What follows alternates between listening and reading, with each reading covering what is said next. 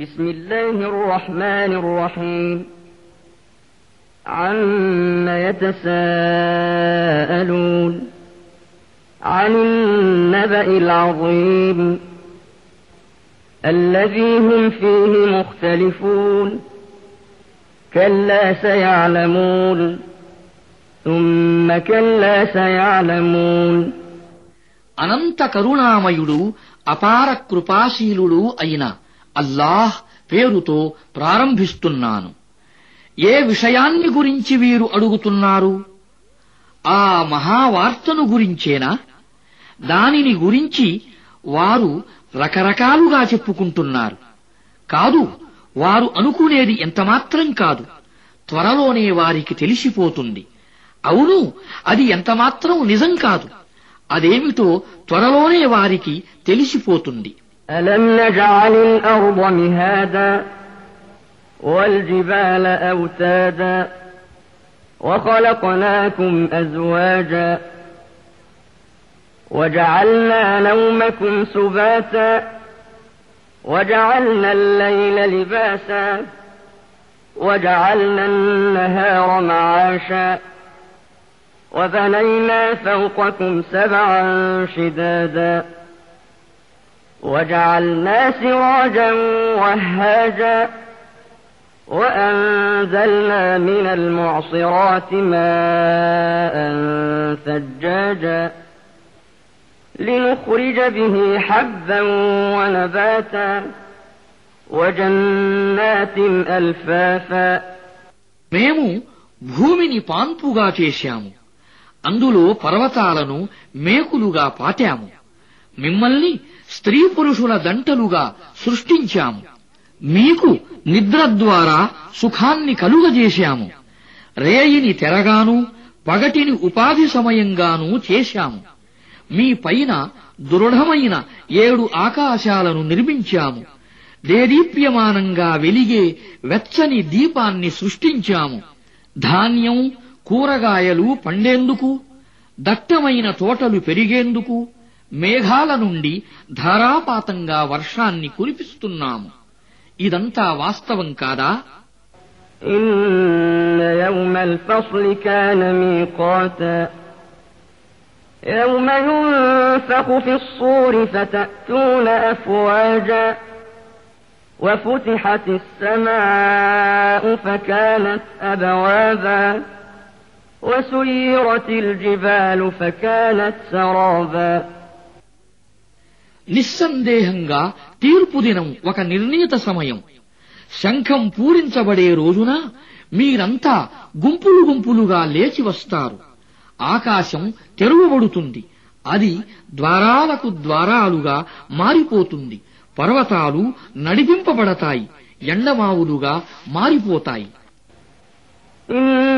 جهنم كانت مرصادا للطاغين مآبا لابثين فيها أحقابا. لا يذوقون فيها بردا ولا شرابا إلا حميما وغساقا جزاء وفاقا. إنهم كانوا لا يرجون حسابا. وكذبوا بآياتنا كذابا وكل شيء أحصيناه كتابا فذوقوا فلن نزيدكم إلا عذابا నిశ్చయంగా నరకం ఒక మాటు ధిక్కారులకు అది నివాస స్థలం యుగాల తరబడి వారు అక్కడే పడి ఉంటారు అందులో ఎలాంటి చల్లదనాన్ని పానీయాన్ని వారు చవిచూడలేరు ఒకవేళ ఏదైనా దొరికితే అది సలసల కాగే నీరు గాయాల కడుగు మాత్రమే. అది వారి కర్మలకు పరిపూర్ణమైన ప్రతిఫలం. లెక్క అడగబడుతుందని వారు ఆశించలేదు. మా వాక్యాలను వారు అసత్యాలుగా చిత్రించి పూర్తిగా తిరస్కరించారు. కాని అసలు పరిస్థితి ఏమిటంటే మేము ప్రతి విషయాన్ని పొల్లుపోకుండా లెక్కపెట్టి ఉంచాము ఇక మీరు కూడబెట్టిన దాని ఫలితాన్ని చవిచూడండి మేము మీ బాధను తప్ప దేనినీ అధికం చెయ్యం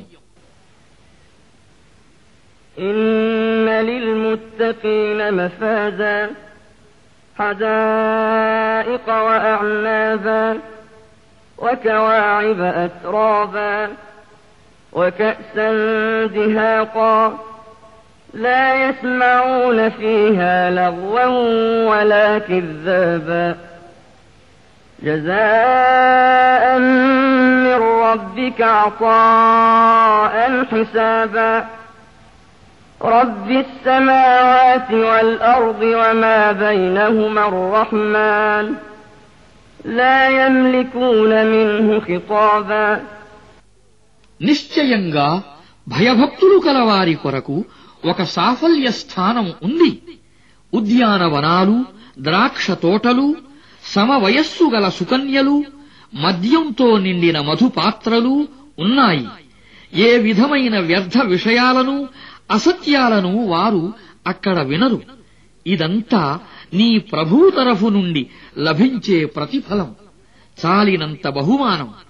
దయామయుడైన దేవుని తరఫు నుండి ఆయన భూమ్యాకాశాలకు ఆ రెంటికి మధ్య ఉన్న ప్రతి వస్తువుకు యజమాని ఆయన ముందు మాట్లాడే ధైర్యం ఎవరికీ లేదు يوم يقوم الروح والملائكة صفا لا يتكلمون إلا من أذن له الرحمن وقال صوابا ذلك اليوم الحق فمن شاء اتخذ إلى ربه مآبا ఆత్మ దూతలు బారులు తీరి నిలబడే రోజున కరుణామయుడు అనుమతించిన వారు తప్ప మరెవ్వరూ మాట్లాడలేరు అది కూడా సవ్యమైన మాట పలికేవారు మాత్రమే మాట్లాడుతారు ఆ రోజు రావటం తథ్యం ఇక